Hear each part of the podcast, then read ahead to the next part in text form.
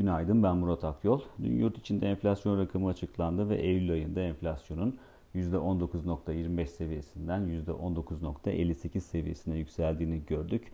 E, genel olarak baktığımızda enflasyonun görünümünün yılın geri kalanında faiz indirimlerine çok fazla olanak sağlamayacağını düşünmeye devam ediyoruz. Ama şu var ki baz etkisi önümüzdeki aylarda lehte olacak. Dolayısıyla e, mevcut seviyelerin altında bir rakam görme ihtimalimiz yıl sonunda oldukça yüksek. Bu nedenle biz de yıl sonunda %18'e yakın bir rakam görme ihtimalimizin daha fazla olduğunu düşünüyoruz. Tabii enflasyonun yönünü aşağı çevirdiği bir ortamda çok büyük ihtimalle Merkez Bankası da faiz indirimlerine devam etmek isteyebilir. Bu nedenle yılın geri kalanında da bir faiz indirimi görme ihtimalimiz var.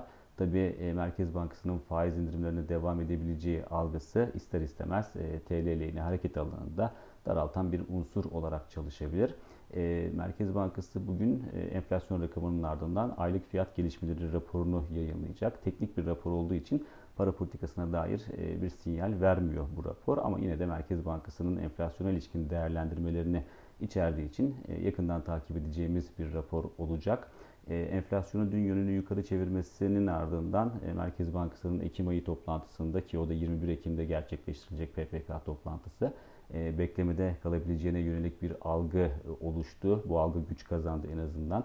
Dolayısıyla enflasyon rakamının ardından da ilk etapta TL lehine hareket etme eğiliminin dolar TL kurunda güç kazanması dikkat çekti. Ancak günün sonunda teknik açıdan baktığımızda anlamlı bir değişim olmadığını rahatlıkla söyleyebiliriz ki dolar TL'de TL lehine trende dönüşen bir eğilim oluşabilmesi için öncelikle 8.78 seviyesinin aşağı yönlü geçilmesi gerektiğini düşünüyoruz.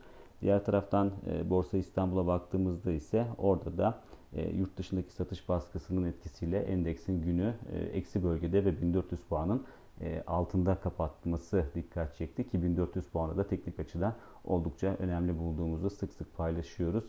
Geri çekilmenin devam etmesi durumunda endeksin destek arayacağı ilk nokta bir önceki geri çekilmede olduğu gibi bir kez daha 1370-1375 puan bandı olacaktır. Bir sonraki podcast'te görüşmek üzere.